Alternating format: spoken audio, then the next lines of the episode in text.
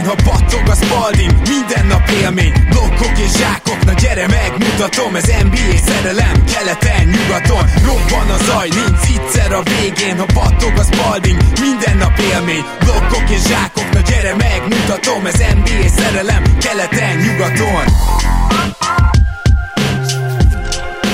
Éj jó! Szép jó napot kívánunk mindenkinek, ez itt a Rep City keleten-nyugaton podcast, a mikrofonok mögött Zukály Zoltán és Rédai Gábor. Szia Zoli! Szia Gábor, sziasztok, örülök, hogy itt lehetek. Mivel ezer éve nem kezdtem már ezzel, ezért szeretném elmondani nektek, hogy egy csomó helyen követhettek minket, természetesen a szokásos podcast platformokon megtaláltok benne a Spotify-jal, itunes de akár a Player FM-mel, stb. stb. Facebookon is lehet minket lájkolni, követni, és oda is rakunk ki azért időnként tartalmat, sőt, Facebookon is lehet velünk kommunikálni, és ezen kívül Patreonon is lehet velünk kommunikálni, hogyha már támogattok, ugye ezt havi egy dollártól bárki megteheti, nem arról van szó, hogy amúgy ne hallgathatnátok a podcastet ingyen, hanem hogyha tetszik, amit csinálunk, szeretnétek ennek a hosszú távú működését garantálni, akkor megköszönjük, hogyha támogattok minket patreon.com per nyugaton, és ha már itt a sok kommunikációs csatornát emlegettem, akkor fel is vette velünk valaki a kapcsolatot nem olyan rég, és egy különleges kéréssel állt elénk, igaz, Zoli? Így van, Attila keresett meg. A vezetéknevét nem mondom szándékosan, mert amire megkért, az így nagyobbat fog szólni talán. Egy nagyon kedves sztorit osztott meg velünk az ő, az ő párkapcsolatáról, és, és arról, hogy a barátnője hogyan csapódott hozzá később az NBA szeretetet illetően is, illetve hogyan lett ő is a hallgatónk. Attila hallgatónk minket követett először, nem lett egy párkapcsolata, az illetően nem igazán érdeklődött az NBA-ért, aztán szépen lassan úgymond jó értelemben megfertőzte őt is az NBA szeretettel, és ugye Attila Patreonunk, és ez az illető hölgy is később a Patreonunk lett, úgyhogy itt most egy ilyen különleges shoutoutot szeretnénk neked mondani Réka, Filip Réka, ugyanis az ő neve Filip Réka, és nagyon-nagyon jó volt olvasni Attila sorait, és, és nagyon-nagyon szuper, hogy nem csak az egyetemes magyarországi NBA szurkolók táborát erősítetted meg, hanem a mi, a mi táborunkat is, és nagyon-nagyon köszönjük Réka még egyszer, hogy, hogy támogatsz minket Patronon, és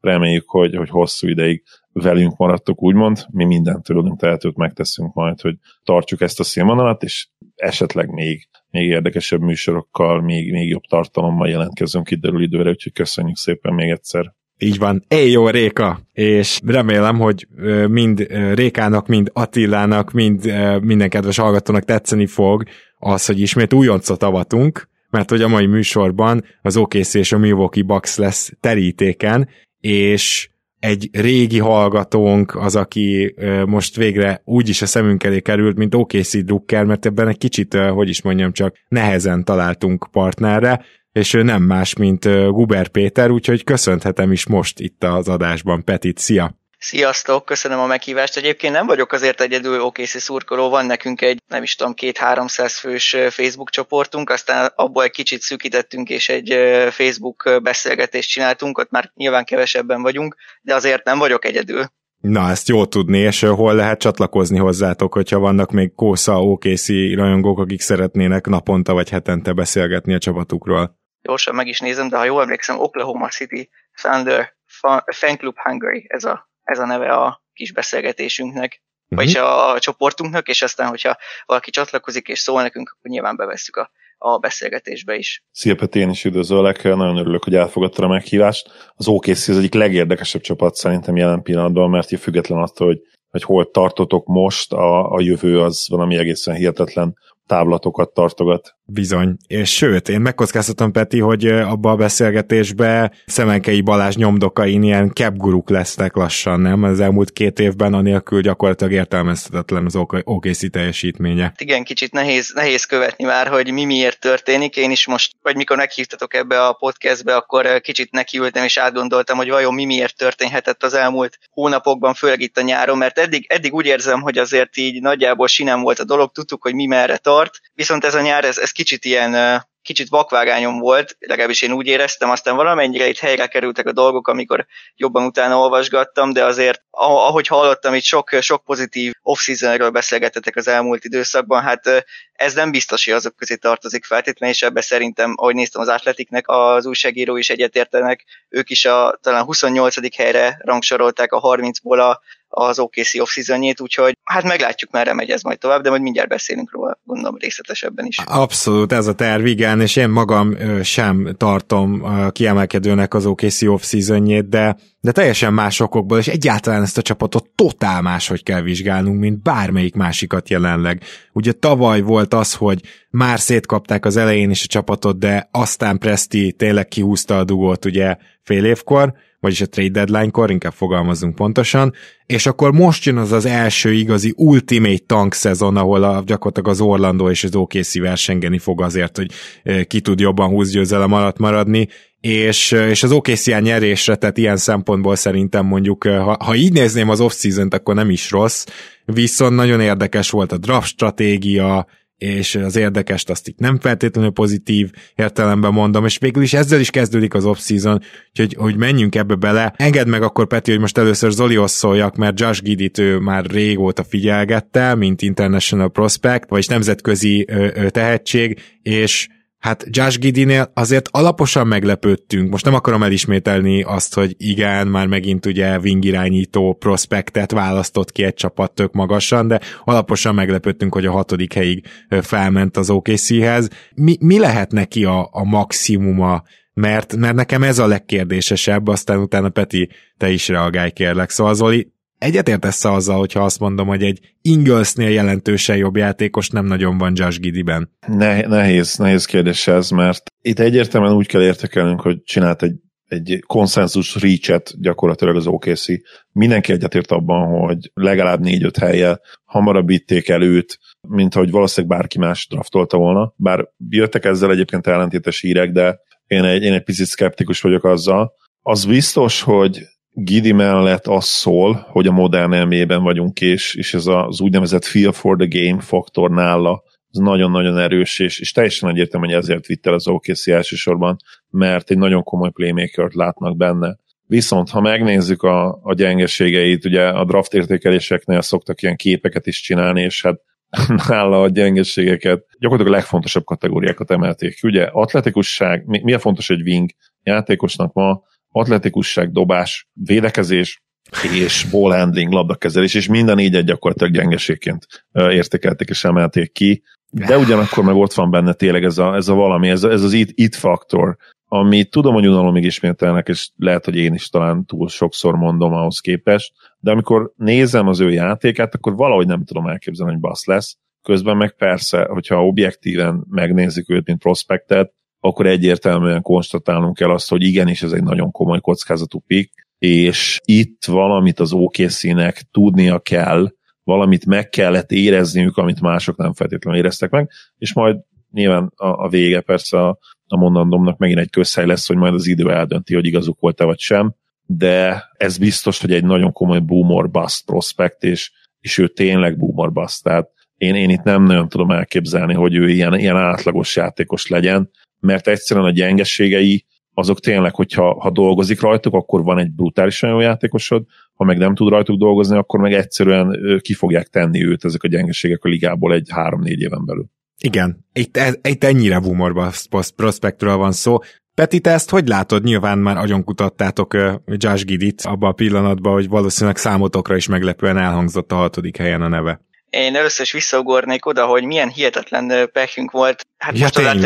Igen, igen, igen, igen. Gyakorlatilag a vesztesei voltatok a Laterinek. De még egy évet visszaugranék, mert egy év ezelőtt a Bubble-ben akkor top 20 protection volt a pickünkön, ha jól tudom, és úgy veszítettük végül el ezt a picket, és úgy ment át a Miamihoz, hogy a Bubble-ben Mascara dobott egy game winnert, egy teljesen lényegtelen meccsen, tehát ezzel elveszítettük azt a picket, majd pedig idén úgy veszítettük el, hogy a Clippers, ezt így utólag vicces belegondolni, hogy a Clippers ugye el akarta kerülni a Lakers szágát mindenképpen a playoffban, és ezért az utolsó meccseken már egyértelműen ki akart kapni, és ilyen befejező line szaladgáltak fönn, hogy Daniel Ottoruk voltak fönn, és rárajzolták föl gyakorlatilag az utolsó percben az egyenlítőnek szánt dobásokat, hát nem jött be, miközben nálunk meg egyébként Charlie Brown juniorok és Gabriel Deckek szaladgáltak, tehát az se volt valami acélos. Igen, tehát volt egy egymás elleni meccs, ezt kihagytad itt a beszámolóból, az utolsó igen, igen, meccs. Igen, tehát az utolsó meccs a szezonban. Mind a két csapat veszíteni akart. igen, egy... hát mi jöttünk ki belőle úgymond rosszabbul, mert megnyertük a meccset, ezzel pedig miénk lett csak az ötödik legjobb boc, ha jól, jól emlékszem, a Laterin, vagy a negyedik, is tudom már. Talán és, a negyedik lehet, hogy a negyedik, igen, és hát végül pedig ugye még ekkor is egyébként volt 50, több mint 50 esélyünk, hogy hát legalább egy picket megtartsunk, mert ugye a Houstonnak a top 4 protected pickje is nálunk volt, tehát hogy legalább egy, de lehet, hogy két pickünk is lehetett volna a top 4-ben, illetve a top 5-ben. Hát végül ugye lett belőle egy hatodik pick, és akkor így jött össze Gidi. Szerintem egyébként Prestinek az volt vég a terve, hogy, hogy becseréljen a top 3-ba. Valószínűleg mindent megpróbált, ezért nem jött össze, valószínűleg mindenki SG-t kérte, ugye Shai Gilgis Alexandert, ezt mi nem akartuk megadni egyébként szerintem jogosan, és akkor jött az, hogy akkor legyen Gidi. Hát hogy pontosan miért ő, azt nem tudom, de ugye eddig mindig az volt évek óta a problémánk, vagy hát ez volt a prototipikus Presti pick, hogy egy dobni nem tudó atletikus játékos, hát most hoztunk egy dobni nem tudó, de nem atletikus játékost, aki lehet, hogy a, az egész klassznak a, talán a legjobb passzolója, de hát emellé pedig tényleg olyan limitációi vannak, amiket ti is említettetek itt az előbb, hogy azt nehéz lesz, nehéz lesz átidalnia, mert, mert tényleg ha már, ha már egy ilyen játékosról beszélünk, akkor szerintem több lehet Pokusevskiben is akár, aki tavaly ugye jóval hátrébb ment el, mint Gidi, mert ő csak simán gyenge, de nem, nem arról van szó, hogy nem lenne atletikus. Mert ezt azért Gidinek nehéz lesz, nehéz lesz átidalnia, nem egy shot creator, valahogy nyilván tud zsákolni, hiszen 6-9 magas, de valahogy olyan, olyan az érzésem, hogy kicsit olyan nehézkes a, a zsákolása is, hogy mire oda fölér, mint hogyha már lefele jönne szinte, vagy nem is tudom. Mm. Nyilván a passz érzéke az, az kiváló, egyik legjobb, a, vagy talán a legjobb az egész klászban, de, de emellett pedig egyelőre nehéz, nehéz megtalálni a pozitívumot, hogy miért lett ő 1 per 6, ha csak nem az, hogy, hogy tényleg kicsit toljuk el még ezt a timeline-t, ne, ne legyünk egyből túl jók, és akkor szépen fejleszgessük a, a játékosokat, mert amúgy majd beszélünk a továbbiakról is, de a többi helyen is ezt érzem, hogy ez lehetett a, a cél. Hát igen, és ugye utána Trayman jött még az első körben, akiről azért sem nagyon beszéltünk az elmúlt időkben, mert ő sem adott rá okot, azt sem mondanám, hogy olyan fantasztikus nyári ligája volt, de azért azt látni kell, hogy ő egy jó dobó, és ő egy ilyen pontszerző típusú irányító, akitől nem feltétlenül a flick-flak asszisztokat lehet várni. Ez viszont azért értetetlen egy kicsit, számomra, bár nyilván Wallhandlerből sosem elég, mert Tio Maledon azért egy hasonló típusú játékos, legalábbis úgy projektáljuk, de akkor itt megint Zolit szólítanám meg először, hiszen tele van az OKC a nemzetközi kedvenceiddel.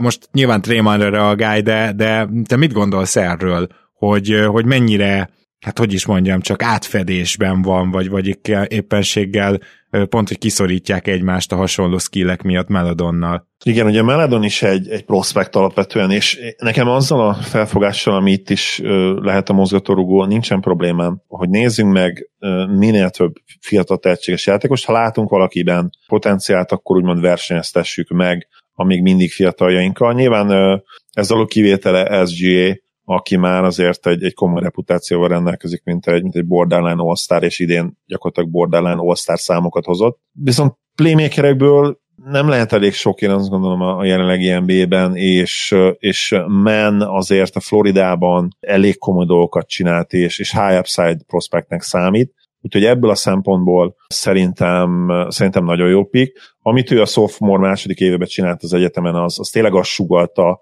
hogy még lehet benne sokkal-sokkal több is. És az is igaz, hogy, hogy ő sokkal jobb shotmaker azért, mint, mint, a, mint Maladon ezen a ponton. Úgyhogy egy olyan csapatban, amelynek ugye nagyon nagy problémája volt a shooting tavaly az OKC-ben, értem, abszolút értem a logikáját a, a man picknek. Úgyhogy nekem ez kifejezetten tetszik. Bár egyébként sokan úgy értékelték a Thunder Off-Season húzásait, hogy ugye megint szereztek pikeket, csináltak pár cserét, azt pozitívan értékeltek, és a draft, a draftjukat valamiért nem. Én, én azért összességében pozitívabbnak látom a draftjukat. Hozzátéve azt természetesen, kivéve egyébként a Jeremiah Robinson dolgot, tehát ott, hogy két piket cserélsz, azért, hogy kettőt felcserél a második körben, az, az eléggé fura. Igen. Viszont, viszont a man picket és, és jön a Gidi picket is abszolút komázom, mert, mert tökös mind a kettő, és higher látok mind a kettőben. A Robinson érte nem vagyok annyira oda, megmondom őszintén. Tehát, és, és ugyanez, ugyanez igaz persze Aaron Wigginsről, bár, bár nyilván most a második kör legvégéről beszélünk. Persze, tehát, az... ott már azért akár nem is lenne muszáj megemlíteni őt, mert nyilván az egy totális kockáztatás. De pont, hogy hülyeséget mondok, nem kockáztatás, hanem ha kapsz valamit tőle jó, ha nem, akkor nincsen semmi. Ráadásul már itt tartunk, ő legalább jó volt a Summer League-ben. Igen. Na, na mit szólsz Manhoz, Jeremiah Robinson Earlhöz és Wigginshez, Peti? Ugye gyakorlatilag ők voltak a kevésbé magasan jegyzett draftpickjeitek, és ebből már azért mindenképpen a jövő embere lehet. Kérdés az, hogy lesz-e a poszton egyáltalán hely erre. Hát Manról azt mondják, hogy talán, ahogy Gideon talán a legjobb passzolók leszben, ő pedig talán a legjobb pull-up shooter, hát most ehhez képest a Summer League-ben dobott egy összességében 7 per 29-et, triplából 0 per 6-ot, ha jól, jól emlékszem, vagy jól írtam össze magamnak. Flóterei sem estek be, úgyhogy hát nyilván nem tudjuk mennyire lehet alapozni sosem a Summer League-re, talán annyira nem kell komolyan venni, de egyelőre nem néz ki jól ez a választás. Szerintem az állhatott mögötte, hogy catch shooterekből viszonylag jobban áll a csapat, vagy abból úgy mondom, hogy van több is. Pull-up shooterből viszont talán csak SGA, aki, akiről ez elmondható, ő viszont nyilván elit benne, úgyhogy talán ezt a, ezt a dolgot próbálta pótolni Presti. Ugye ott volt ugyanebben a range-ben Trey Murphy is, de ő meg, ő meg szerintem egy készebb játékos, és ő, ő talán már idén segített volna abban, hogy jó legyen a csapat, és akkor úgy volt vele, hát igen. úgy gondolom, Presti, hogy, hogy akkor ezt egy kicsit még késleltessük. Ugye most lottery protected a pikünk, szóval a playoff az véletlen sem jöhet szóba, nem mint hogyha nagyon komoly esély lett volna rá, bár ugye tavaly is ezt hittük, aztán, aztán egy ideig úgy állt a dolog. Tavaly legalább Igen. még lehetett érvelni, nem, hogy végül is van ott 6-7 veterán, akiből egy jó egyző, egy nem is tudom, playoffért küzdő csapatot csinálhat, de idén már ez az érvelés is elbukna. Hát igen, de Derek Favors azért nem ez a szint. Tehát igazából mindig egyre lejjebb cseréltünk ezekből a veteránokból, mert mint szintre. Ez ugye volt Paul meg Galinari, és akkor tavaly Horford meg Hill, idén meg maradt egy Favors, hát abból már egy első körösen nagyon lehet kihozni úgyhogy ahogy meglátjuk, hogy ebből mi lesz, de, de igen, ebből, ebből nem nagyon nehezen lett volna a playoff egyébként is. Tavaly mondjuk egyébként még Hill ugye csak 8 meccset játszott, ha jól emlékszem, vagy 9-et, és még utána is egészen jól ment a csapat, ugye SG kiültetéséig, vagy hát vele a pályán a csapat 16-19-es mérleget produkált, ezt azért ne felejtsük el, úgyhogy mondom 8-9 meccs után már Hill se volt, Horford is hol ült, hol játszott, hát össze-vissza. És, és Alexander nagyon... kiültetése után pedig egy olyan történelmi mélység következett, ami azt hiszem, hogy ha egész szezonra vetítenénk, akkor verhetetlen lenne. Tehát azt is tegyük hozzá, hogy amint már nem volt NBA játékosotok, onnantól már ment a tank. Igen, volt egy 20 meccses szakasz, amiből csak a Boston csikét legyőzni, azt hiszem, hogy valami ilyesmi. Úgyhogy igen, az, az elég nézhetetlen volt, de hát azt nem mondom, hogy elérte a célját, mert ugye pont arról beszélünk, hogy nem, de hát ez van. Robinson Earl még röviden nem volt igazából annyira rossz a Summer League szerintem, egy magas játék intelligenciával megáldott, de nem atletikus játékos szintén. Kicsit szerintem olyan, mint Isaiah Robi, akit úgy mellesleg tök ingyen kaptunk a Dallasztól, és lehet, hogy majd egy, egy dealben jól jöhet később. Hát azt írják, hogy talán Csuma Okiki vagy Grant Williams lehet hozzá jó komp, hát meglátjuk nyilván egy 2 per 32-vel nagyon, nagyon sok mindent nem lehet elvárni a, a játékosoktól. Hát, hát ha a Csumauki szerű játékos lesz, akkor szerintem annak örülni fogtok. Hát jó, igen, nyilván annál talán gyengébb. Egyébként nem kizárt, hogy Favors elcserélése vagy kiültetése után ő lesz a, a kezdőcenter, sőt szerintem ez a terv, mert a Summer League-ben is szinte végig ezt játszott. És ez, ez, ez, ez most beérte az egész beszélgetés egy ilyen szürreális létbe, amikor arról beszélgetünk, hogy Jeremiah Robinson Earl lehet a kezdőcenter, meg, meg szerintem azért itt például az, hogy mondjuk Gidit hogy játszatott pontosan, akkor ki nem játszik, vajon Gabriel Deck, vagy Kenrick Williams, és, és nyilván ez a két név sem egy olyan nagy név, de ezek még a veterán nevek, akiket aztán kiszorít a fiatal, szóval ez mutatja meg azt ennél a csapatnál, hogy egyszerűen nem lehet úgy értékelni a következő évet, vagy nem lehet máshogy értékelni, csak és kizárólag, hogy összejönne a top 2 legrosszabb mérleg. Mert itt gyakorlatilag ez a csapat deklaráltan nem akar nyerni, és ez Ráadásul a különböző ilyen jóslatoknál is nagyon izgalmas és érdekes következményekkel jár, hiszen az Oklahoma City Underre szerintem most azért érdemes fogadni bármennyi is a lány, mert ők ő nekik nem nagyon lesz olyan hát rész, amikor nyerni akarnak, de ezzel mégis szembe megy, és erre szeretnék rákérdezni Petitól, és aztán tőled is a mi véleményünket már elmondtuk, hogy nagyon úgy tűnik, hogy egyzővel viszont jót húztatok, és nem csak jót, hanem már most a különböző felméréseken top 15-be rakják, ugye nem Renault, Dégnót az egyzők között, ami nagyon durva azt nézve, hogy tavaly egy éppen, hogy nyerni tudó, talán éppen összerakod azt az öt játékost, aki NBA meccsen pályára léphet, kategóriájú csapatot egyzett, ami ráadásul a végére teljesen megszűnt létezni, és mintha egy géligás csapatot egyzett volna. Azért gondolom, hogy ilyen szempontból furcsa lesz, hogy Degno ő, ő azért nyerni akar, meg ő azért össze akarja ezt rakni. Hát igen, eléggé le kellett rontani a keretet, hogy ebből biztos ne legyen semmi komolyabb, de hát úgy néz ki, hogy megoldottuk, úgyhogy, de hát az meg összességében azért inkább áldás hosszú távon, hogy, hogy van egy jó edzője a csapatnak, akire lehet építeni, főleg ugye ennyi év Scott Brooks és Billy Donovan után, jó, eh, amit, amit egyszerűen brutális volt nézni, szóval tényleg jó érzés, hogy, hogy most már végre, végre egy komolyan vehető edző is van, és, és szerintem egyébként talán hamarabb eljöhet az a, az az éra, amikor, amikor tényleg playoffért megyünk, mint ahogy, mint ahogy várják az emberek. Szerintem én nem zárom ki, hogy már akár a 2023-24-es szezonban tudunk, hát nem is azt mondom, hogy a, a, nyilván nem a contender státuszba lépni, mert az nagyon messze van még, de, de hogy nem azzal foglalkozni, hogy na hányadik legjobb pick lesz a miénk. Mm-hmm. Tehát az, azért szerintem káros hosszú távon, és szerintem nem szabad eljátszani a SG úgymond jó, jó indulatát, vagy türelmét sem ezzel kapcsolatban, hiszen most írt alá egy maxot, de hát nyilván nem úgy akarja végigjátszani ezt a max szerződést, hogy, hogy közben tankol a csapat. Na igen. És akkor még nem is beszéltünk arról, hogy azért ennek a jövő bajnok csapatának, vagy erős playoff csapatának a másik köve is lehet, hogy ott van már Lugensdort személyében, és akkor Bezliéket, meg a friss rukikat meg majd meglátjuk. Zoli, hogy lehet értékelni egy ilyen szezont, ami előttünk álló készi szempontból? Szerintem Dégnon keresztül, hogyha jól ejtem a nevét, most meg, talán most próbáltam meg először kimondani, ugye nagyjából közel jártam, a vége az biztos, hogy, hogy, hogy ilyesmi. Megerősítelek, Zoli, ez nem volt nagyon, rossz.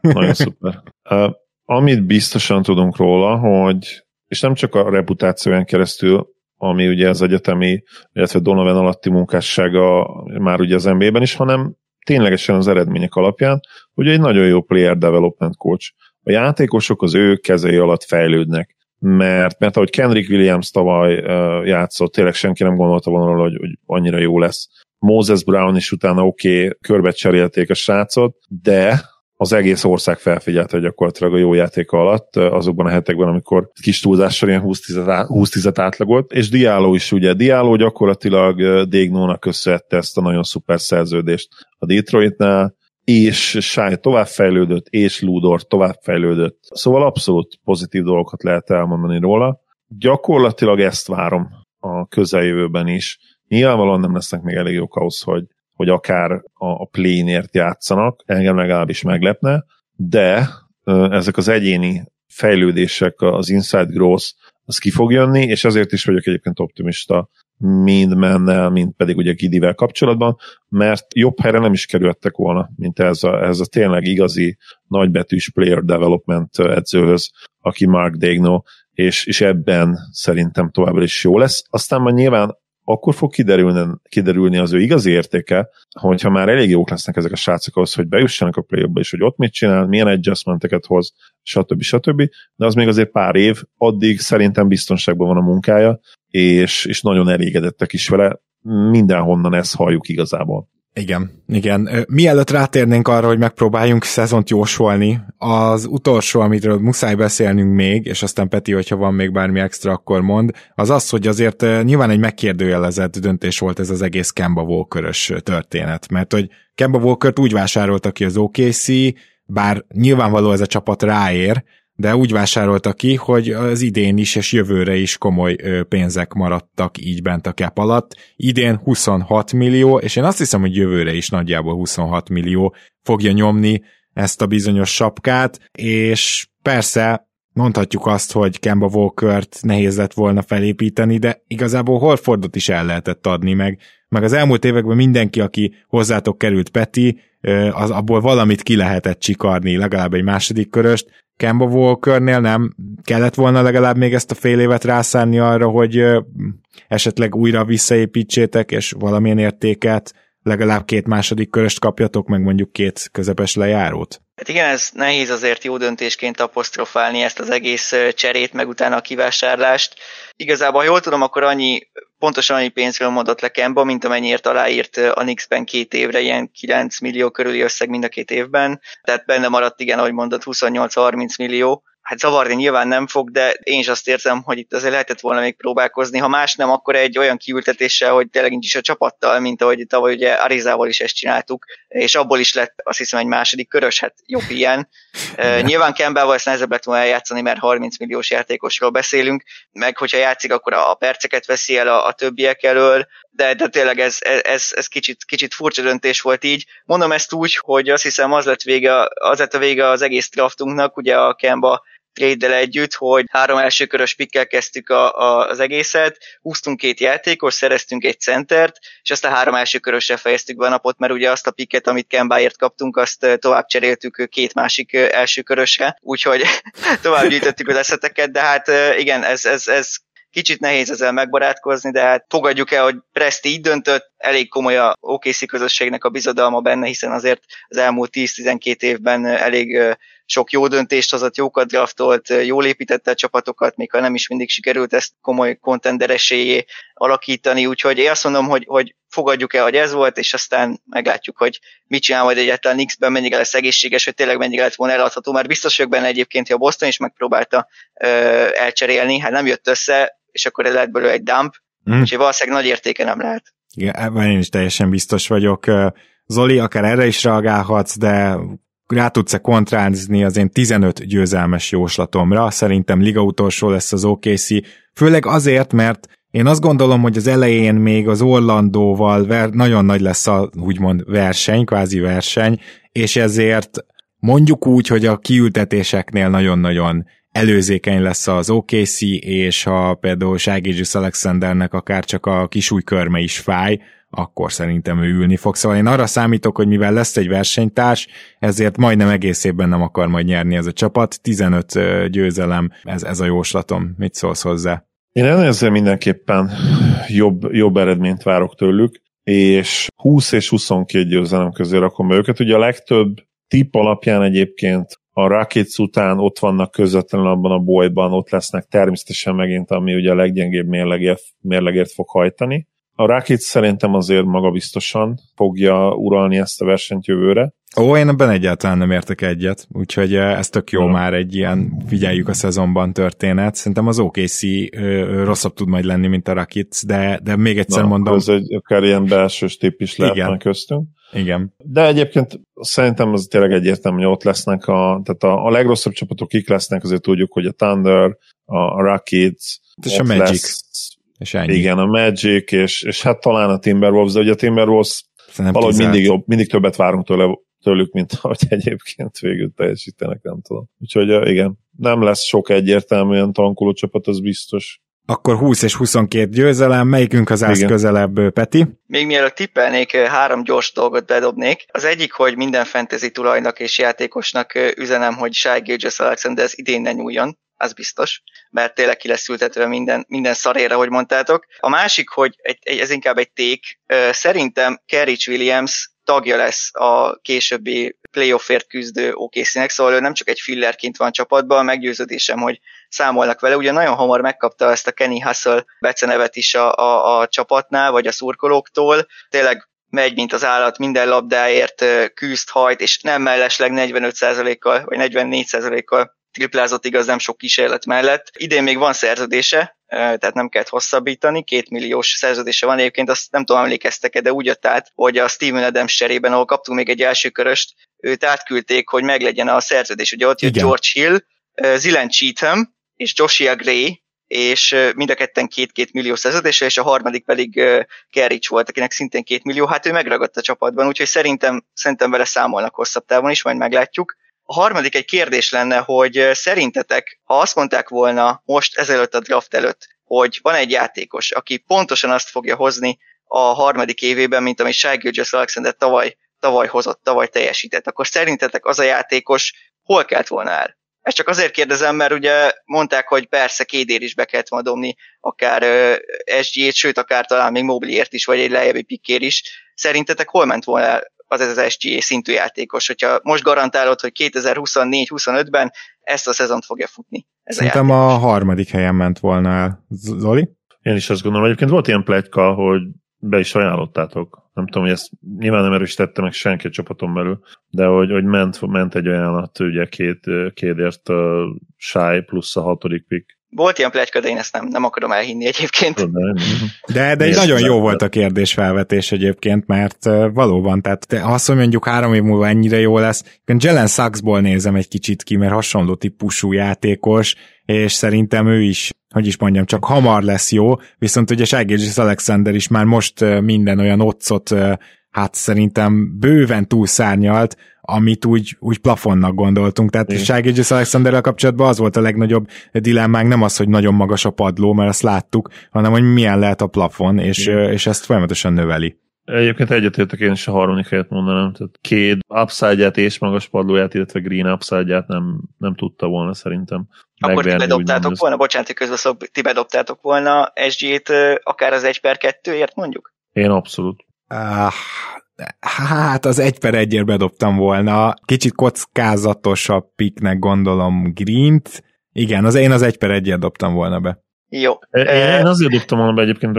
ha befejeztem ezt a gondolatmenetet, Shy lehet, hogy kétszer, kétszeres, háromszoros all lesz, de az, azt már azért látjuk ezen a ponton, hogy, hogy igazi game changer superstar nem lesz. És, és egyszerűen, mivel igen, kiderült, hogy mennyire jó, és nem vártuk, hogy ennyire jó lesz, de az is kiderült szerintem már erre, ezen a ponton, hogy, hogy nem lesz superstar, és nem lesz MVP jelölt, és nem lesz, nem lesz top 5-ös játékos a ligában, ami meg ugye azért egy elég komoly limit, amikor a top 3-as pikről beszélsz, hiszen igaz, hogy ha most a matekot nézzük, akkor persze jó eséllyel egyik se lesz az, de még lehetnek, és ez itt a nagyon fontos dolog, hogy szerintem Sájnál már kiderült, hogy már nem lehet amellett, hogy tényleg túlszárnyalt egyébként az elvárásokat. Ez ilyen kegyetlen dolog, de az igazság, hogy ez valahogy így működik az NBA-ben.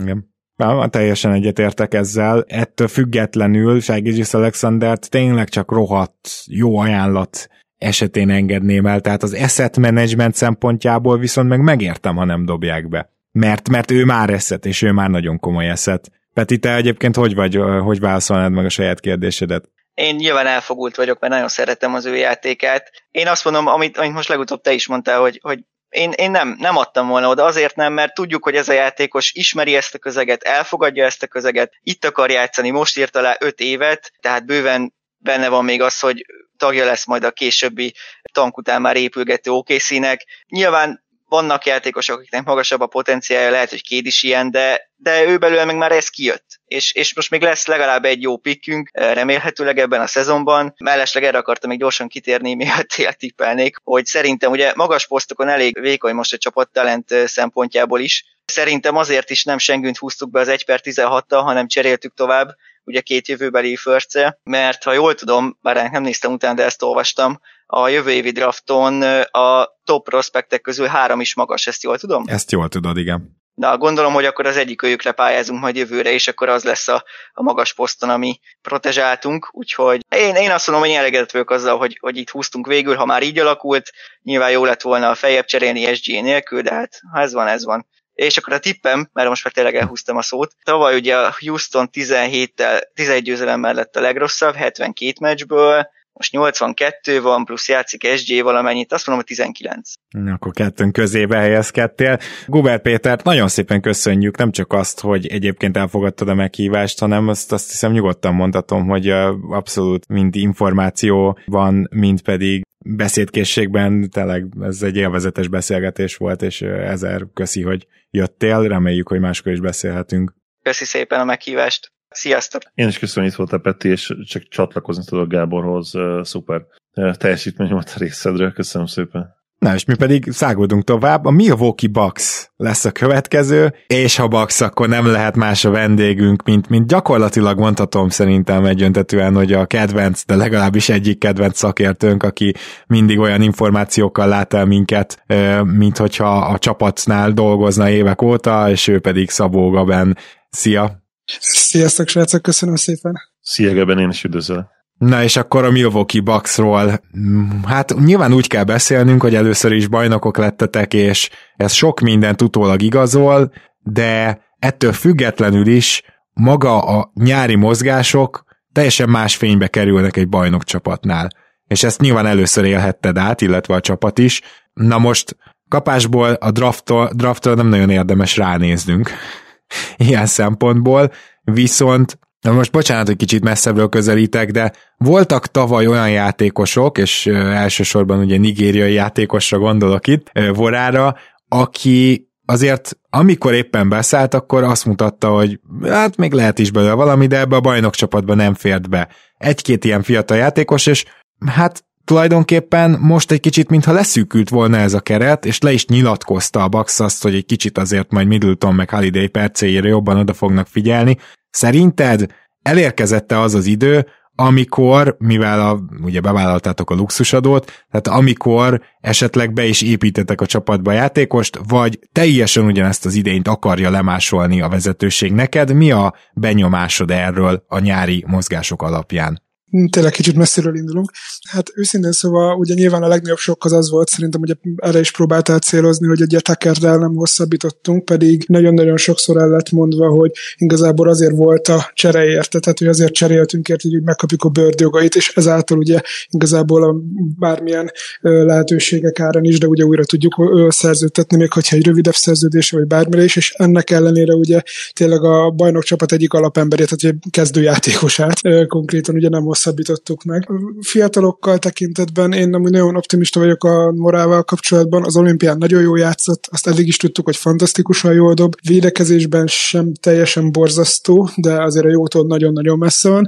Úgyhogy percekre már biztos, hogy be kell állnia, mert konkrétan ugye nincsen más most már, tehát hogy muszáj lesz játszania, de amúgy meg a pont szerintem a fontosabb pozíciókban, meg pont inkább a veteránoknak a, ugye a visszatérése, illetve ugye a meglévő keretnek a, a kihasználása az, ami, ami sokkal fontosabb lesz. Hát igen, ez kétségtelen, hogy azért bajnoki cím lehet az egyetlen cél ennek a csapatnak, de hogy ezt mégiscsak kontextusba helyezzük, Zoli, mi már el is kezdtük ezt a beszélgetést ugye egy picit itt a szezon előtt, az előző szezon bajnoki címéből mi következik? Mert azért elég sokan levonták a következtetést, hogy nem feltétlenül a legjobb csapat volt a Bax tavaly, de mégis nyert és ez egyáltalán nem egy kritika vagy zrika, hanem a Bucks egészséges tudott viszonylag maradni, és ez nagyon sokat használt nekik ebben a tekintetben, főleg a Brooklyn-t nézve, de nyilván nyugaton is nagy ágyuk estek ki. Most ettől függetlenül nem volt könnyű ez a bajnoki cím, és minden tiszteletet megérdemel ezért a Bucks, és ott kell lenni és egészségesnek lenni,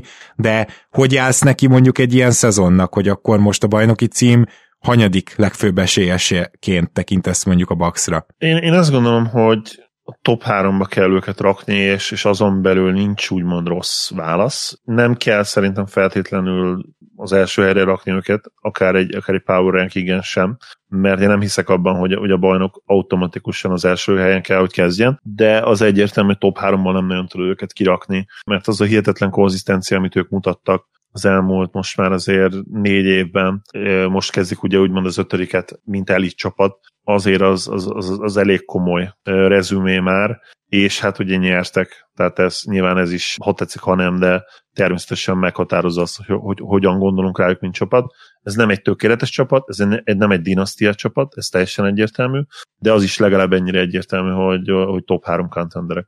Gaben, Merilt elcseréltétek, meg még egy pikket is adtatok, azt hiszem Grayson ellenért, ami mindenképpen egy erősítés shooting szempontjából, és talán Brimforznál még ő is jobban tud védekezni, bár azért olyan nagyon sokat Grayson ellentől se kell már védekezésbe várni, szerintem ez most már kiderült az elmúlt években, illetve Semi Ojoleye lett a, a Tucker pótlék, Mit szóltál ezekhez? A, alapvetően ezek voltak a főigazolások, aztán Mamuról még mindenképpen majd beszélnünk kell az adás vége felé, de, de mit szóltál ezekhez az igazolásokhoz? Én egyetlen egy disclaimerrel adnám át neked a szót, hogy igazából Tuckernél azért értettem meg egy kicsit ezt a lépést, mert Tucker nem sokkal csinál többet, mint amit Semi Ojaleje csinálna, ugyanis támadásban Tuckernek gyakorlatilag vége van, és lehet, hogy még lesz valami feltámadás, mint ahogy, ki, ha jól kihagytam, hogy George Hill visszajött hozzátok, és mindig nálatok támad ugye fel, de ezt is majd meglátjuk, hogy sikerül-e, de szóval összességében mégiscsak ott tartunk, hogy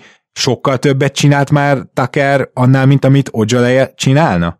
Én uh, egy picit most megint én kanyarodok akkor vissza. Én abszolút sose értettem, hogy mi az a Tucker imádat, ami így, úgy, tényleg így liga szinten volt. Tehát, hogy miért szeretik ezt az embert ennyire, egészen addig, amíg ugye a saját csapatomban nem került. És uh, pontosan azért, mert nyilván számokból nem hoz sokat, támadásban nem plusz, hanem mínusz egy ember, és ez abszolút a döntőbe is kijött. Tehát a sarok triplázása szerintem talán a döntőbe volt a legrosszabb, de ettől függetlenül akkora pluszt ad hozzá lélektanilag, meg emberileg, tehát mint karakter, egy öltözői karakter, amit uh, nyilván lehet pénzben mérni, mert sajnos ugye ebben a sapka miatt ugye muszáj is pénzben mérni a dolgokat, ezért pénzben lehet mérni, viszont uh, tehát szerintem ez az olyan költség lett volna, amit amúgy illet volna bevállalni. Főleg az, hogy ezért nem kapott olyan orbitálisan nagy szerződést Miami-ban, és ráadásul ugye pont Miami-ban, ha már itt tartunk, úgyhogy uh, ez a része kicsit nehézkes. Én uh, Szemivel kapcsolatban úgy vagyok, hogy én amúgy nagyon várom, én én nagyon nem szerettem, amikor a Celticsben ő fogta Janiszt, mert kifejezetten jól tudott rajta védekezni, úgyhogy én látok benne potenciált, meg hát még ugye ő is mindig fiatal még, úgyhogy szerintem benne lehet lehetőség, ugyanakkor sok percet tőle sem várok, tehát nem hiszem, hogy még megközelítőleg sem fog annyit a pályán tölteni, mint Teker. Ellen már más helyzet, ugye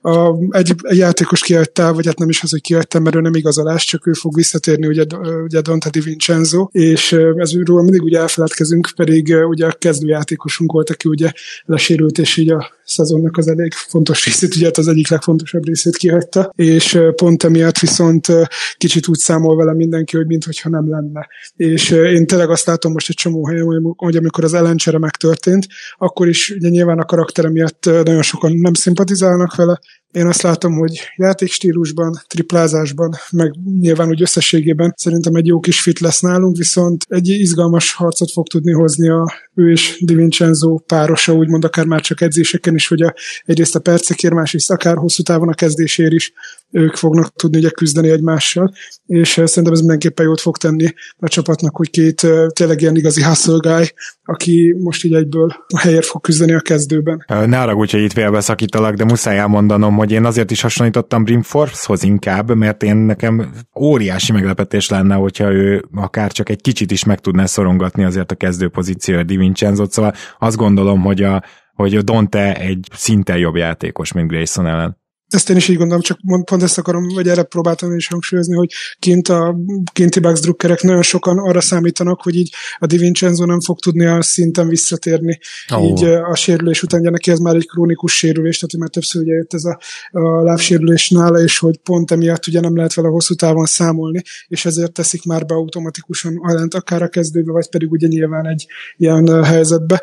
Ha már Forbes itt szóba került, én őt tőle így vártam, hogy, hogy ez lesz, tehát hogy azért őt Budenholzer nagyon hanyagolta így az első kör után, tehát a, a Miami-nál ugye az szerintem folyamatosan pörög a mai napig az, ami, hogy több pontot dobott ugye Forbes az első körben, mint Jimmy Butler, tehát hogy ez ugye egy emlékezetes pillanat marad ennek a, a title runnak, viszont uh, utána meg ugye szinte teljesen mellékezett, úgyhogy uh, én ő, őszintén szóval szerintem nem egy uh, rossz játékos, viszont valamiért úgy érzem, hogy nem tudta magát tényleg olyan stabil szinten hozni, amit úgy kellett volna. Zoli, te mit szóltál a Milwaukee Bucks nyári úgymond erősítéseihez?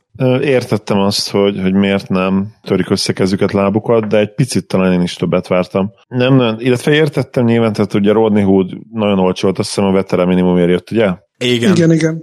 Tehát nehéz, nehéz kritizálni egy veterán minimumos igazolást, de, de ő a, az Achilles sérülés ami lejátszott, mint egy száz mérkőzésen nagyon úgy néz ki, hogy, hogy lefőtt, abszolút lefőtt a kávé. Gyakorlatilag árnyék a régi önmagának sebesség, dobás, biztonság szempontjában mindenféle szempontból, tehát tényleg úgy néz ki, hogy, hogy őt az Achilles azt kicsinálta, és ugye ezzel hát csatlakozna sajnos a népesebb táborhoz, mert bár most már vannak ugye pozitív példák, mint hát a legpozitívebb ugye Kédi, de, de hát itt nagyon úgy néz ki, hogy neki annyi Viszont veterán minimumért nincs ugye kockázatban gyakorlatilag, hogyha véletlenül Connaughton megsérülne, meg még nem tudom, utána Grayson ellen is, akit szintén egyébként én akár dobó átvédés kis csatárposzton is, és abszolút húd elé raknék, szóval ilyen, ilyen third string, a vész esetén betörni üveg mögött lesz szerintem, hogy a Rodney Hood, és az tényleg szó szerint égnie kell az egész épületnek, hogy, hogy őt előved érthető, azzal kezdtem, hogy érthető, hogy nem törtek össze kezüket, lábokat, megvan gyakorlatilag a, championship rotáció,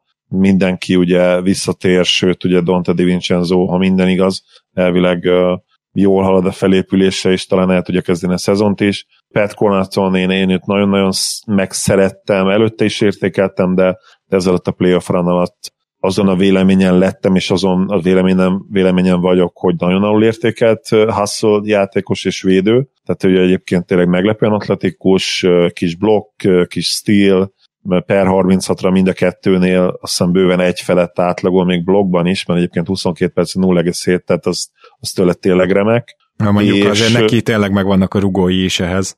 Igen, és uh, szerintem a wingspanje is egészen jó, ugye a fejes sráchoz képest. Úgyhogy őt, ő, őt én tolnám, a legjobb korban van 28 évesen, ő jövőre is szerintem akár mind a két uh, posztot át tudja venni, ő is ugye a shooting guard és a small forward csere, csereposztját is, és akár 30 perc környékére is, még akár fel is lehetne vinni az ő játék idejét, bár valószínűleg ez nem fog megtörténni, mert, mert úgy gondolják, hogy neki ez a komfortzóna, ez a 20 perc körüli, de ő tényleg ragyogó, kiegészítő ember, és hát tudjuk ugye, hogy perc is lesz, és, és a, a Bucks itt nem fogja kergetni szerintem a, a keleti elsőjét se. Ők pontosan tudják most már, hogy, hogy mi, mi az, ami számít, az egészség. Ebben a szezonban ezzel kezdte Gábor abszolút kijött, és ezzel nyerték meg gyakorlatilag. Biztos vagyok benne, hogy, hogy megpróbálják majd beépíteni a, a fiatalokat, ugye Grayson ellent megpróbálják majd ugye Envorát is, is picit többet játszatni, ahol, ahol van rá lehetőség. Ógyelejét is, én azt gondolom, ők is a rotáció, tízes rotáció tagjai lesznek szinte állandóan, és, és még az is lehet egyébként, hogy 11-es rotációval fog menni az alapszakaszban rendszeresen Bud, és hát ha bármi van tényleg a nagy trióddal, akkor azonnal ki fogják őket ültetni. Igen, igen, teljesen egyetértek. Amiért mondtam, hogy Mamu, vagyis Mamu Kálásvili ma még szóba kerül, ő egy center az 54. helyen választotta a Bucks, két éves túvé kontraktet, két éves túvé szerződést kötöttek, az az, hogy és szerintem nem véletlen, hogy ezt az egyetlen egy kis draft eszetet az center poszton használta el a, a Bucks, és kíváncsi leszek a véleményedre, Gaben. Először is Mamuba szerelmes lettem a Summer League alatt. Tudom, hogy nem jelent semmit, de annyira fantasztikus jelenség a pályán, mert nem túl gyors, nem túl atletikus centerről beszélünk, aki viszont meri is eldobni a triplát, és vannak offenzív múvjai, passzolni ismer, és egy elképesztő hustle játékos, tényleg mindent elkövet azért, hogy ne ő legyen a lassú center a pályán, még akkor is, hogyha ő az, de nem biztos, hogy belőle játékos lesz, én mondom, én nagyon vele szerettem, úgyhogy szeretném, hogy még pályán legyen idén, mert, mert lesz istán lehetősége rá, de ugye ez a csapat, ez úgy lett bajnok, hogy azért nem túl idős, azonban az látszik, hogy Brook Lopez,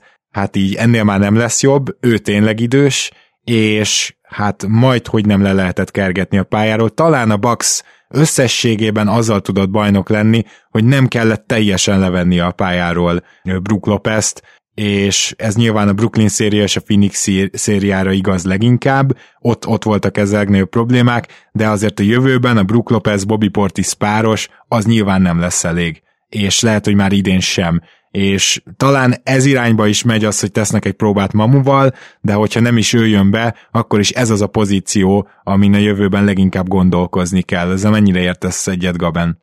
Teljes mértékben. Én egy picit azt látom, hogy igazából ugye a Wood szerződtetés után, tehát ugye a Wood is ugye máshogy ugye two kontraktból indult, és uh, utána ő ugye megkapott egy teljes szerződést, majd végül ugye az ominózus Pau igazolás után ugye őt hát ugye elküldték, és utána most meg ugye nyilván Houstonban befutott, és már róla akkor mondták, hogy, egy, hogy van benne potenciál, és hogy NBA játékos lesz.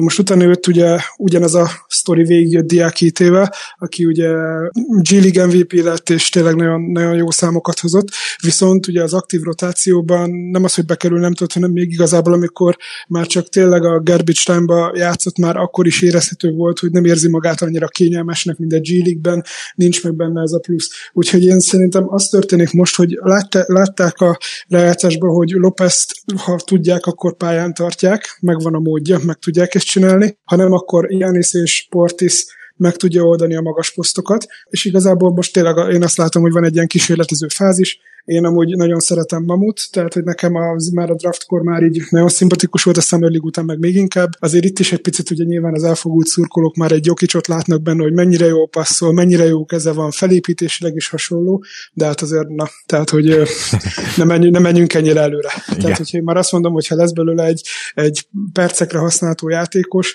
akkor már jó beszélünk, de ezért nem véletlen, hogy csak, már, hogy csak tényleg túvé szerződést kapott, és nem az történik, hogy egyből már helyet kapott, ugye, hogy a 60. helyen kiválasztott görög irányítónk például már kapásból egy úgymond egy teljesen garantált szerződése és rossz helyen érkezett. Na igen. Akkor nem tudom, Zoli, hogy lenne bármi még így a Bax rotációjáról, vagy esetleg Mamuról, mert nem tudom, hogy elkapta, de hogy milyen jelenségű a pályán. Volt szerencsém megnézni pár rövid highlight videót, tényleg hihetetlen.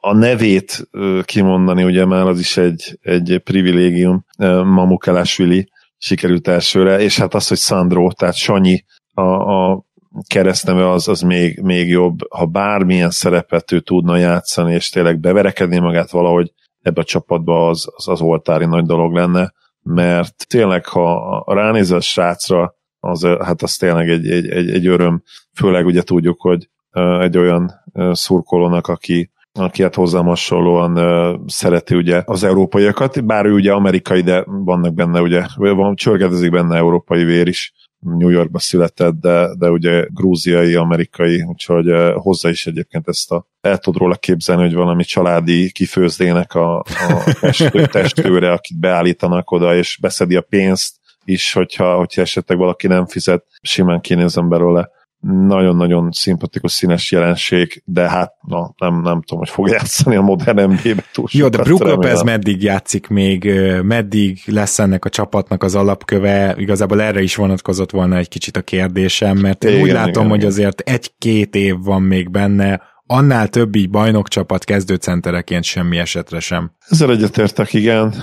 Így is már egyébként hatalmas meglepetés, amit Brook tényleg kihozott magából. Tehát ahogy ő az a karrierjét úgymond megmentette és, és meghosszabbította, mi, mi nem láttunk senki mástól ilyet az elmúlt években. Eldridge valamilyen szinten megpróbálta, de, de nem, nem volt ilyen sikeresség. Tehát amilyen tökéletesen átmentő a 20 pontos játékosból, a Bordanán All-Starból egy, egy full role playerbe, az, az előtt le a kalappal mert nem, nem csak, hogy nem lett volna minden játékos képes erre, de sok játékosnak túl nagy is lett volna az egója ahhoz, hogy, hogy bevállalja ezt, és ő, ő tényleg kifejezetten szimpatikusan azokra a dolgokra koncentrálva, amikben korábban egyébként kifejezetten gyenge volt, is előre tudott lépni 30-hoz közel és 30 felett, később folyamatosan én azt gondolom, hogy fejlődött, és az akarata végig megvolt, hogy a, a mozgásbeli limitációja, lassúsága ellenére próbáljon tényleg mindig mindent beladni abba, hogy intelligensen játszon, és jó helyen legyen, és hát ahogy hét láb egy incs magassággal tényleg gondolkodás nélkül rázúzza ezeket a triplákat. Én elhiszem, hogy valaki számára ez pont, hogy nem szimpatikus, és utálja a mai NBA-t, és meglátja ezt a 215 centis csávót, aki Steph Curry-nek képzeli magát, de én meg pont azt látom meg benne, hogy hogy egy bátor, egy, egy szerepét tökéletesen tudó játékos, mert tőle ezt várják el, hogy igenis dobja rá akárhonnan az üres triplát, mert akkora, hogy senki nem tudja leblokkolni, és, és jól is dobja most már ugye évek óta, és nyilván az edzéseken meg beszór mindent, tehát nem, nem véletlen, hogy ugye kitalálták rá ezt a szerepet, és hát nagyon jól is működik, úgyhogy, úgyhogy le a kalappal. Én is azt gondolom egyébként, még olyan két év lehet benne. A mostani szezon, és aztán még egy erős szezon, és aztán szépen vagy jön egy új szerep, vagy, vagy akárki tudja. Igen. Tehát, hogy azt mondja, hogy köszönjük. És hát ez a mostani szerep is már láthattuk a playoffban, hogy ilyen nagyon éppen, hogy meg meccsap függő, tehát azért ez már így kocsányon lóg, hogy úgy fogalmazzak. Na de, hogy egy kicsit Budenholzer felé tereljem a témát, az eddigiekre is nyugodtan reagálj Gaben, de mit gondolsz, hogy mi változik majd idénre a játékotokban, mert ugye Budenholzer nem igazán a változtatásairól híres. Én azt mondanám, hogy ennek ellenére nyertetek bajnoki címet, nem amiatt, hogy ő micsoda fantasztikus húzásokat tolt, és hát nyilvánvaló volt az is, hogy az első meccseken gyakorlatilag, mint a most ismerkednének, mutatkoznának be a játékosok, épp csak kezet nem fogtak. Úgy álltatok ki minden playoff széri első meccsére, tehát gyakorlatilag 0-1-ről indult Budenholzer miatt, én ezt gondolom az összes szériátok. Tehát, hogy ennek lesz valamilyen következménye szerinted? Mi, mi, mi változhat a játékotokban jövőre? Hát a következmény, hogy egy szerződés hosszabbítás lett, úgyhogy hát nyilvánvalóan valaki úgy gondolja, hogy jó végzi a dolgát. Amúgy én is így gondolom, hogy szerintem Bát kihozta a maximumot ebből. Én azért egy picit vitatkoznék azzal, hogy nem változtatott semmi sem. Szerintem a Brooklyn szériában jött egy olyan, egy olyan hullám, hogy, hogy ott, ott úgy érezte, hogy ott így bele kell nyúlnia. A rotációba egyrészt a, tényleg az egész játékot nem azt mondom, hogy teljesen reformálta, mert azt tényes valahogy ő úgymond makacsú ragaszkodik a, a, a and tehát ő tényleg a, a, nem is a Renengához, Makacsú ragaszkodik a Let It Fly-hoz, és tényleg egyszerűen ez az az elv, ami alapján ő végig vitte ezt az egész playoffot, úgy, hogy eszméletlenül rosszul dobtunk. Tehát, hogy összességében valami 30, azt hiszem 35%-kal tripláztunk, tehát katasztrofálisan. Ennek ellenére is meg tudták nyerni ezt a bajnokságot, mert annak ellenére olyan óriási hibák nem jöttek ki, tehát hogy az tényes való, hogy nem voltak olyan gigászi húzások, hogy edzői oldalról, amik megfordítottak volna egy pár harcot, mert nyilván ugye inkább a, az egészség, illetve azért a talentbe. Szerintem a, talán a net szériát leszámítva végig azt mondom, hogy a mi csapatunkban volt a legjobb játékos. Szóval, hogy ezt, ennek ellenére viszont úgy gondolom, hogy változtatni nem nagyon fog jövőre sem. Tehát szerintem van egy bevett stratégia, bevett taktika, amihez így próbálja tartani magát. Nyilván szerintem azért minimálisan már látja, hogy kell igazodni így az adott helyzetekhez. Például, hogy így az előbb is nagyon jól mondtátok, a Lópeznek a szituációját. Én azért annyit tennék Lópezhez hozzá, hogy neki azért én nagyon szeretem, tehát én az első pillanattól kezdve nagyon szerettem Lopezt is, viszont neki nagyon kellett az, hogy mentálisan ő elfogadja, hogy ő most már nem első, nem második, és most már lassan ugye nem is harmadik vagy negyedik számú támadó opció lesz, viszont védekezésben tényleg az első kettőben mindig benne van. Egyrészt ezt mentálisan elfogadni, másrészt ezt, tényleg prioritásba helyezni, harmadrészt meg az, hogy a játékos került mellé János szemébe, aki az összes létező védekezésbeli hiányosságát, tehát az atletikusságot, a gyorsaságot, mindent teljes mértékben kárpot, lepattanózást teljes mértékben hozza helyet helyette igazából, meg mellette. És pont emiatt én azt látom, hogy az az egy-két év még biztos, hogy benne van, és utána viszont ugye nyilván vagy az van, hogy el kell gondolkozni ténylegesen a Janis Center, ben játszik többet témán, vagy pedig ugye egy olyan játékost igazolni, aki, aki majd erre a feleletre képes lesz. Hát igen, ez, ez még nem az idei idény témája, viszont azt is elmondtad, amit én is gondolok, hogy nem változtat majd jelentősen Budenholzer, amit én nem kérek rajta számon egyáltalán bajnok lett a csapata, nem is ezért gondoltam, de az látszik, hogy megint fele megyünk, a, nem tudom, egy-két év kitérője volt az NBA-nek, hogy mégse a smallból fele megyünk feltétlenül, azért emlékszem a Raptors bajnoki cím alatt a Philadelphia elleni párharcra, ahol gyakorlatilag Giant Ball tolt majdnem mind a két csapat, tehát hogy, hogy, hogy, hogy volt egy ilyen kitérője az NBA-nek e felé, de most megint azt láttuk a playoffban, amit 2016 környékén, hogy, hogy gyakorlatilag a, a nem mozgékony centereknek nem lesz helyük, és ezért nyilván meg kell találni, vagy szerintem kell kísérletezni legalább azzal a George Eleje centerben, azzal, hogy nyilván Jannis centerben. Egyébként, ha már itt tartunk, Tanasis is egyértelműen center, ha, ha bármire is használnád azon kívül, hogy Jannisnak a, nem tudom, jó fejszobatársa legyen, meg hogy ott a tesó, akkor, akkor talán ezt is centerbe lehet csak használni. Szóval ezek az érdekes kérdések, és ezek az érdekes dolgok, hogy mennyire gondolja azt Budenholzer, hogy azért igenis megint kell majd egy kicsit kísérletezgetni az alapszakaszban. Mire mehet így ez a Bucks, akkor Zoli, te már említetted azt, hogy nem feltétlenül kergeti majd a Milwaukee az első helyet az alapszakaszban, de hát ennek a csapatnak azért gondolom egyetértünk, hogy így is úgy is top 5 lesz a védekezése, ja, abban nem fognak visszaesni, és támadásban is azért top 10 reményeik vannak, ez pedig azért azt jelenti, hogy ez egy elit csapat lesz idén is. Igen, hát a Bucks tulajdonképpen nem tud nem 60 győzelem közelébe játszani az elmúlt években, és, és nyilván most is bármilyen tippünk az, az oda kell valahova helyezze őket. Az én elvárásom az, hát nem is az elvárás a legjobb szó talán, hanem, hanem a várakozásom, a, amit várok tényleg konkrétan, hogy mi fog történni az NBA szezonnal kapcsolatban, hogy nem lesz kiemelkedő csapat. Talán egy, de ugye a Netsről gondoljuk, hogy nem feltétlenül te, Gábor, de bár azt hiszem, múltkor te is azt mondtad, hogy, hogy ők talán 60 pluszot, 60 felett nyerhetnek, de, de ott is annyira fognak szerintem figyelni már, hogy tényleg mindenki egészséges legyen, hogy, hogy túl biztosítják majd úgymond akár magukat, és ez, ez szerintem megállta őket. Nem tudom mikor, nem tudom milyen gyakran történik meg az NBA-ben az, hogy nem lesz 60 győzelmes csapat, majd ezt a, a tip, illetve a háttékadásunkra megnézem, hogy hány ilyen szezon volt az NBA történetében, de most én egy ilyen szezont várok, hogy, hogy nem lesz 60 győzelmes csapat, és ezáltal a Bucks is kb. 58 győzelem környékére várom, és azzal vagy elsők, vagy másodikok lehetnek, de, de legrosszabb, tényleg legrosszabb esetben harmadikok, hogyha mondjuk tévednék, és mégiscsak lesz egy kiemelkedő csapat, amelyik 60 plusz mérkőzés nyer, akkor ők azzal szinte bizonyosan megnyerik ugye keletet, és akkor a Bucks ezzel az 58 a második, hogyha harmadik lenne, de, de ennél alacsonyabb helyre nem tudom őket rakni,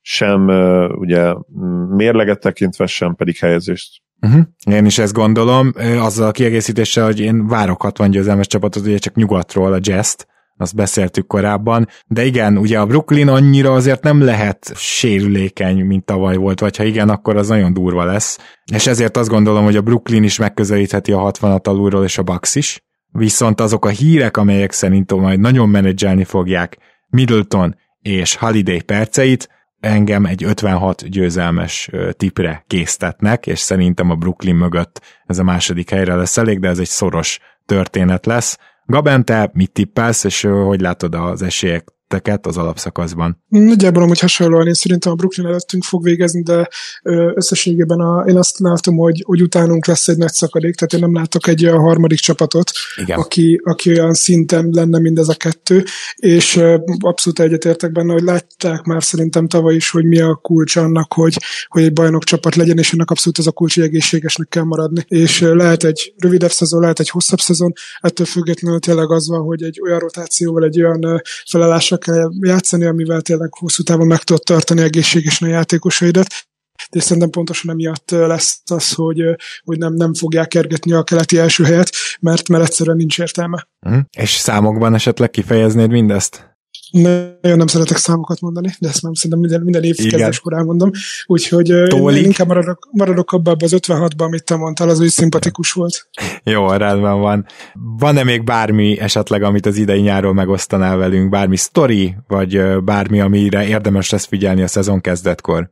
Én nekem egy sztori van, mindig készülök egy ilyen kis sztori, amikor, amikor csinálunk egy adást. Én ugye alapvetően keveset beszéltünk róla, mert annyira egyértelmű volt így már az, az átigazoláskor is ugye Bobby Portisnak a helyzete, hogy ugye Portis egy nagyon nagyot húzott ezzel, tehát ezt nem győzöm hangsúlyozni azóta sem, hogy, hogy ez, ez, ez az, akkora mértékű anyagi áldozat, amit ő hozott, ennek a pénznek, amit most idén fog keresni, szerintem a 10 vagy 20 szorosát megkapta volna máshol, ugye nyilván több évre lebontva, de azért szép summáról Arról mondott le azért, hogy egy évet még nálunk maradjon játékosként, úgyhogy ez természetesen ugye vissza is jött, hiszen közönségkedvenc volt ugye a playoffba is, mert és azok után van neki ez az underdog márkája, amit ő igazából nem tudom mennyire hivatalosan, de ezt ő így csinálja és konkrétan amikor kiderült, hogy nem az, hogy ugye a, tehát két lehetősége volt, vagy pedig ugye, vagy az egyéves maximum szerződés hosszabbítást vállalja, vagy pedig ugye a mid-levelnek a teljes összegét lefoglalja, ami meg ugye nyilván mind a két szempontból érthető lett volna, hogy a mid-levelt válaszol, mert több pénz, és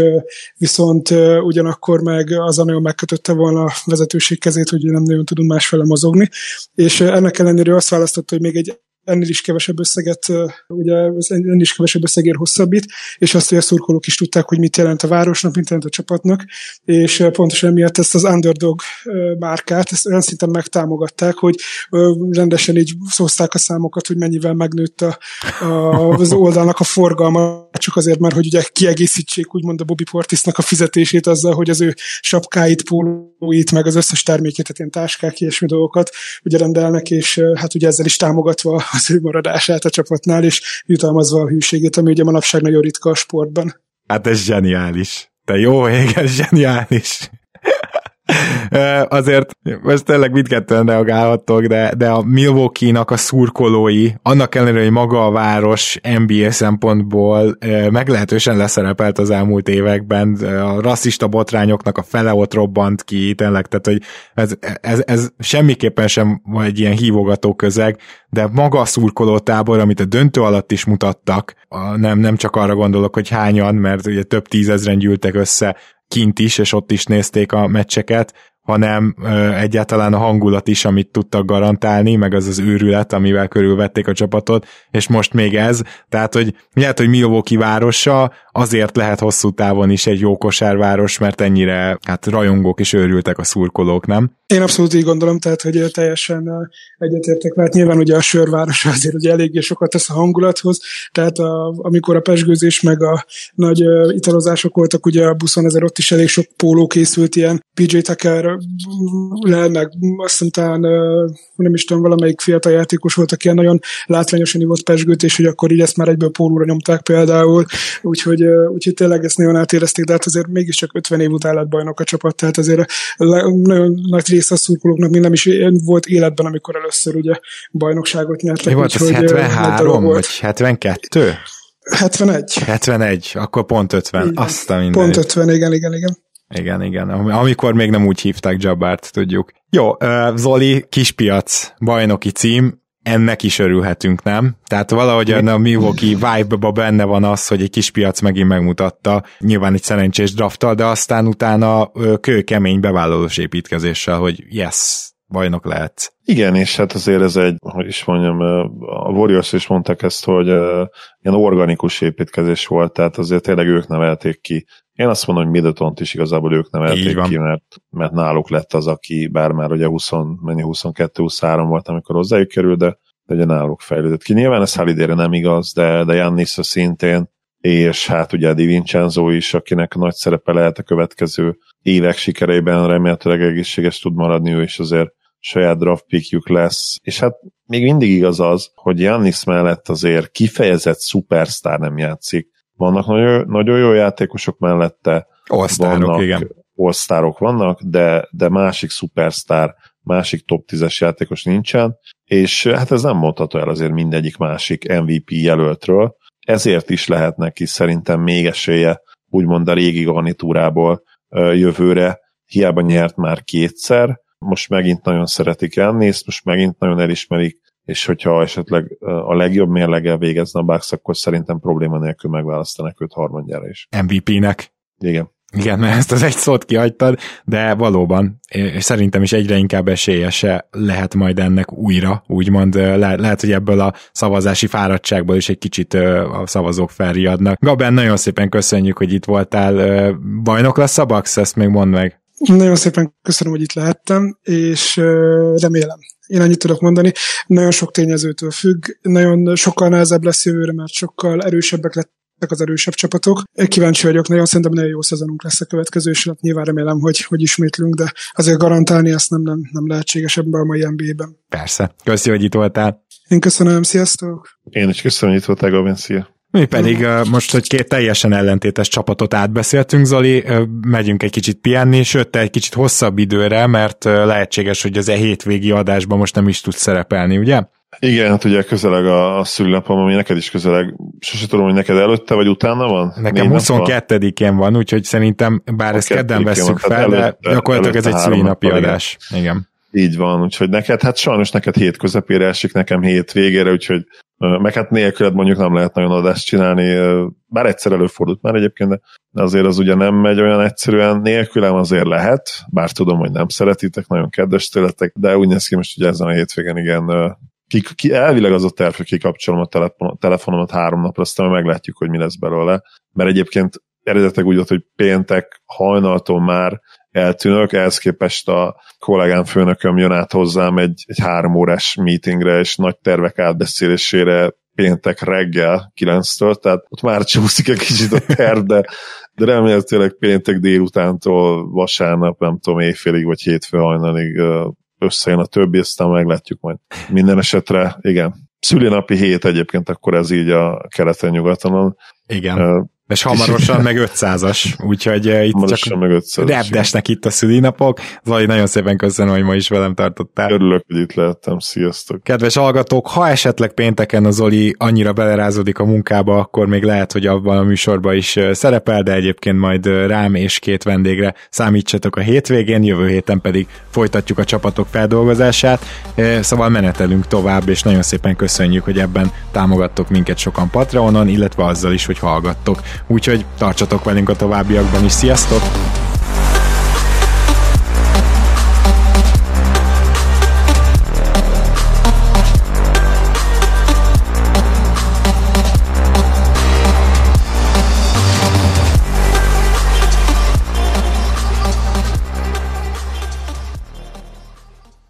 Ha más podcastekre is kíváncsi vagy, hallgassd meg a Béton műsor ajánlóját. El tudod képzelni, hogy a podcastet, amit éppen most hallgattál, fél év múlva már a mesterséges intelligencia generálja? Mi sem. De ha érdekel, eljötte már a gépek lázadása. Hallgass bele az Embertelen podcastbe. Orsós Lajos vagyok, a műsor házigazdája. Egyelőre még élőben. Egyelőre. Fedezzük fel együtt, hogyan ismerkedik, randizik, mesél és vitatkozik Betty és Péter, két teljesen mesterséges intelligencia. Lajos, a podcast címét mond még egyszer, Léci. Oké. Okay. Embertelen podcast. Ez a műsor a Béton közösség tagja.